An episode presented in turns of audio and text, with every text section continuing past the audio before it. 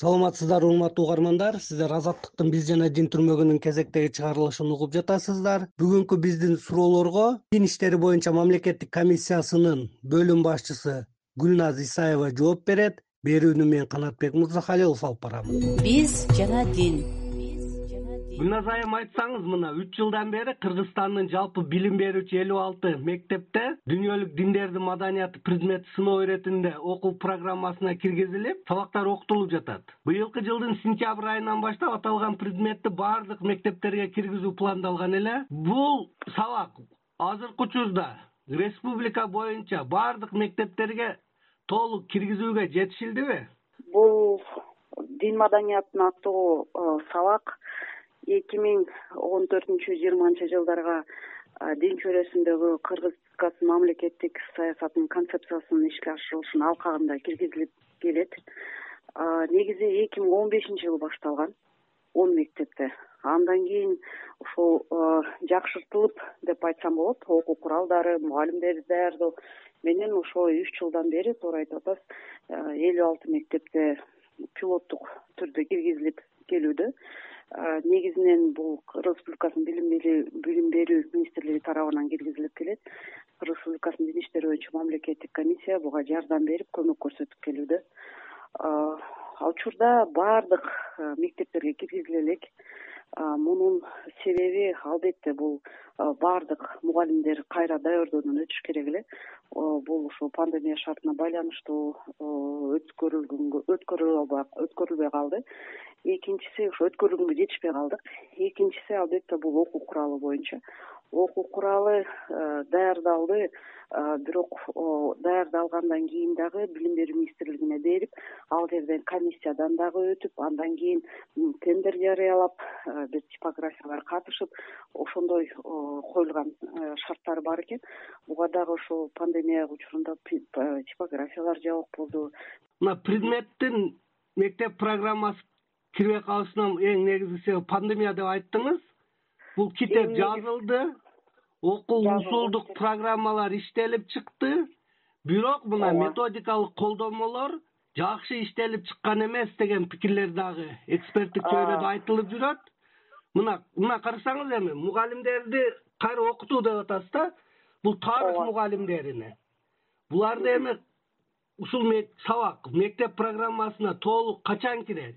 Аны кимдер окутат деген маселе ачык бойдон турат да сизден жооп уксак кимдер окутат качан кирет сиз башында айтып кеттиңиз жанагы окуу куралы депчи бул бир канча сын пикирлер деп. Ушул окуу куралына мен токтолуп кетет элем негизи ушул бул сабак боюнча дин маданиятынын тарыхы боюнча балдарга окуу китеби мугалимдерге методикалык колдомо жана электрондук китеп. Ушул үч курал каралган ол балдарга окуу э, китеп китеп бул эки миң он бешинчи жылы долбоор жазылган автордук топ тарабынан андан бери э, бул китепке э, теологдордун дин таануучулардын пикирлери берилген.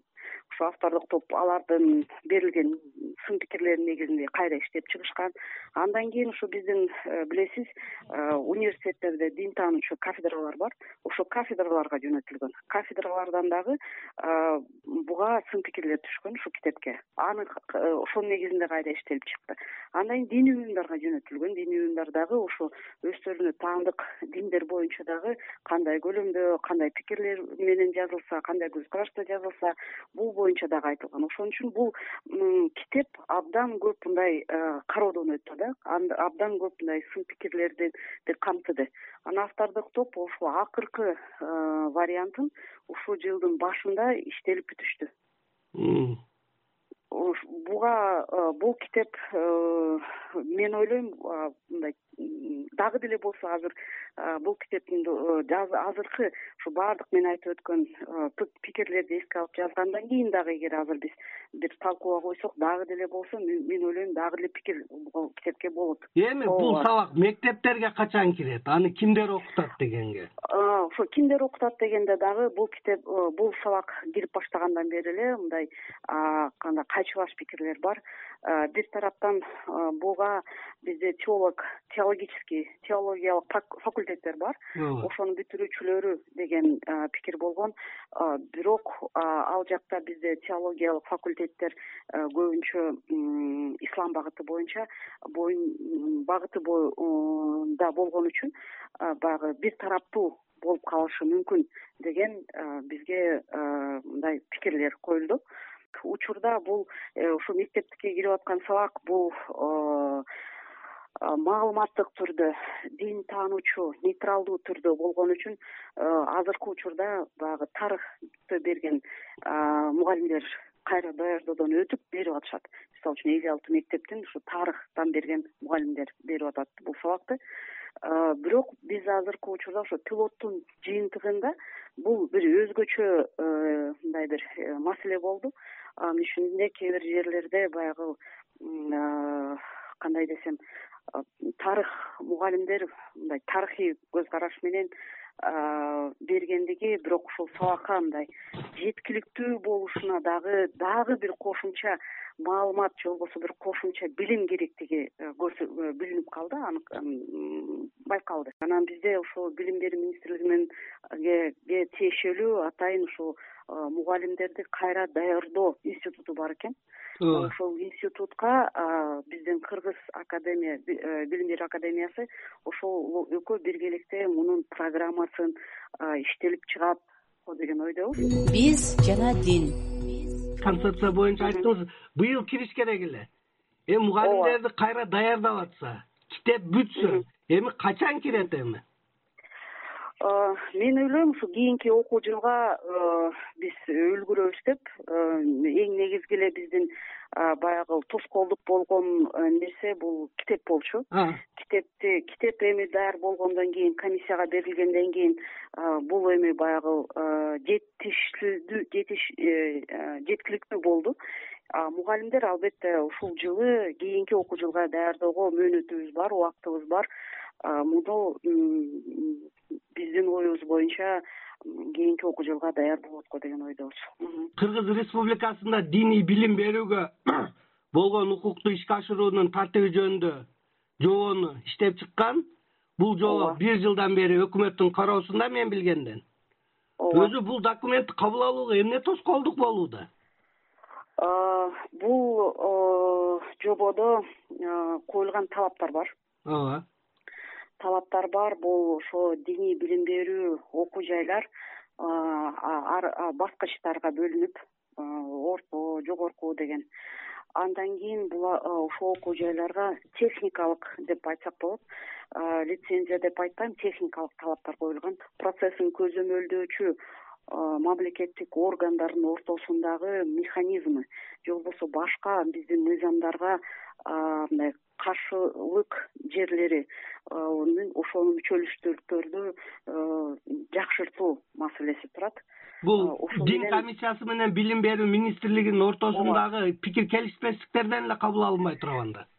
Жок пикир келишпестик деп айтпайм. Эмне үчүн дегенде билим берүү министрлиги менен бир канча жолу талкуу болуп ошол бул ортодон макулдашылган жобо да билесиз го өзүңүз баягы өкмөткө мамлекеттик органдар макулдашылбайын кирбейт макулдашылган бирок бизде өкмөттүн аппаратында дагы баягы ушул жобо иштегенде кандайдыр бир кийин кыйынчылыктар болуп калбайбы деген бир маселелер коюлуп дагы дагы болсо кээ бир мисалы үчүн беренелер дейли кээ бир талаптар кантип иштелет ким мунуга жооптуу мына ушундай маселелерди мындай толук кандай десем чечип алалы деген сунуштар берилген. Эми бир жылдан бери чечилбей жатабы бул маселе? Бул маселенин укуктук жагынан көбүрөөк маселелер бар экен. Бул жобо кошо мисалы үчүн кээ бир мыйзамдарга киргизилиш керек экен өзгөртүүлөр мисалы үчүн лицензияга ооба. Ошон үчүн бул жобону кабыл алып эле койсок мисалы үчүн бул толук кандуу иштеп кетпейт экен ошого кошумча мисалы үчүн билим берүү боюнча мыйзамына. Ошон үчүн баягы бул жобону кошо бир канча мыйзамдарга дагы кошо өзгөртүү сунушталыш керек. Экен бир айдан кийин эки миң он төртүнчү жылы кабыл алынган диний чөйрөдөгү мамлекеттик саясат концепциянын иштөө мөөнөтү бүтөт концепцияны ишке ашыруунун планында көрсөткөн. Динге тиешелүү маселелерди камтыган укуктук мыйзамдык жагы кандай өркүндөтүлдү? Диний билим берүүнү реформалоо диний чөйрөдөгү мамлекеттик саясатты жакшыртуу үчүн кандай конкреттүү жумуштар аткарылды? Бул концепция толук жүз пайыз ишке ашырылды деп деп айткандан ооба бир катар иштер э, аткарылды. Бирок ошол эле учурда сиз мына белгилеп кеткен албетте ушул бирден бир концепциянын багыты ушу дин чөйрөсүнө тиешелүү мыйзамдарды жакшыртуу болчу өзгөртүү. Бул боюнча бизде ошо азыркы учурда дин чөйрөсүн жөнгө салган дин тутуу эркиндиги кыргыз республикасынын мыйзамы дин эркиндиги жана диний уюмдар жөнүндө мыйзамы ушуга өзгөртүүлөр киргизилиш керек эле. Жана билим берүү боюнча сиз айтып өткөн жобо топтом менен бекитилиш керек экен. Анан жанагы дин чөйрөдө бизде э, э, эгемендүүлүк жылдарынын башынан бери эле келе жаткан бул ушу маркумду жерге берүү э динге динге диндик өзгөчөлүгү менен. Мына ошол маселе болгон анан жана диний объектилерди куруудагы тартип тартиптештирүү мына ушундай бизде долбоор иштеп чыкты. Бирок тилекке каршы азыркы учурда ушу мына концепция декабрда аяктайт ошо төрт долбоордун бекитиле элек муну бизге ушул кандайдыр бизге өзүбүзгө бул эме жыйынтык баягы иштелип чыкты коомдук талкуудан өттү. Бирок кабыл алына элек ошон үчүн бул азыркы учурда сиздер угуп атсаңыздар керек жаңы концепция ал суроого жетебиз гүлназ айым ал суроого жетебиз жаңы концепция боюнча ооба эми ошол ошону айтып өтөт элем да кийинки жаңы концепцияга мына ушуларды азыр бизде баягы иштелип чыгып бирок бекитилбеген бекитилбегендиги анан кийин кийинкиге муну абдан мындай басым жасоо мына ошого жаңы концепцияга өтүп атат. Мына ушул иштелип чыккан долбоорлорду жеткирүү бекитүү кабыл алуу. Биз жана дин урматтуу угармандар сиздер азаттыктын биз жана дин түрмөгүнүн кезектеги чыгарылышын уктуңуздар. Биздин суроолорго дин иштери боюнча комиссиясынын бөлүм башчысы гүлназ исаева жооп берди. Берүүнү мен канатбек мырзахалилов алып бардым. Саламатта калыңыздар